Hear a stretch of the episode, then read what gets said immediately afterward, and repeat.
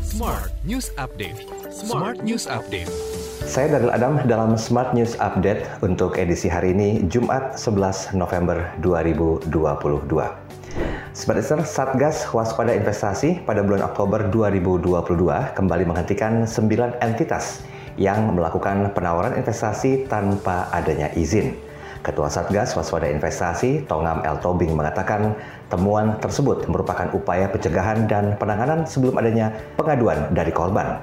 Pencegahan tersebut dilakukan berdasarkan crawling data atau pemantauan aktivitas penawaran investasi yang sedang marak di masyarakat serta melalui media sosial termasuk juga website dan juga YouTube.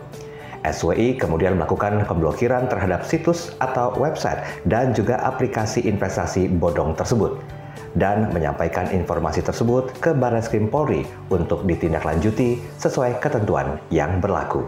Berita selanjutnya, setelah sukses dengan The Royal Residence, Green Ara Alendra Harapan Indah, kemudian juga Tera Damai dan Segara City.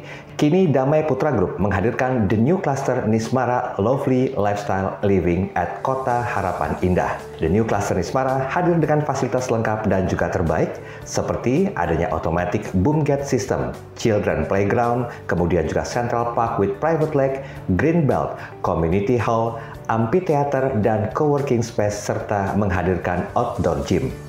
Dapatkan gaya hidup menyenangkan di kawasan yang terus berkembang untuk bisa menciptakan kehidupan kualitas dan turut serta berperan membangun Indonesia menjadi lebih baik.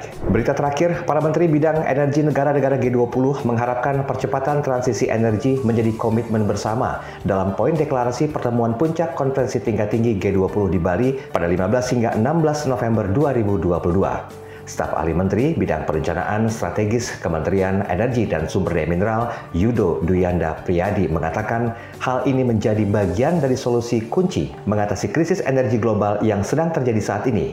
Mereka juga sepakat meningkatkan investasi dan mendorong aliran dana kepada negara berkembang guna percepatan transisi energi serta kepentingan memperkuat kerjasama.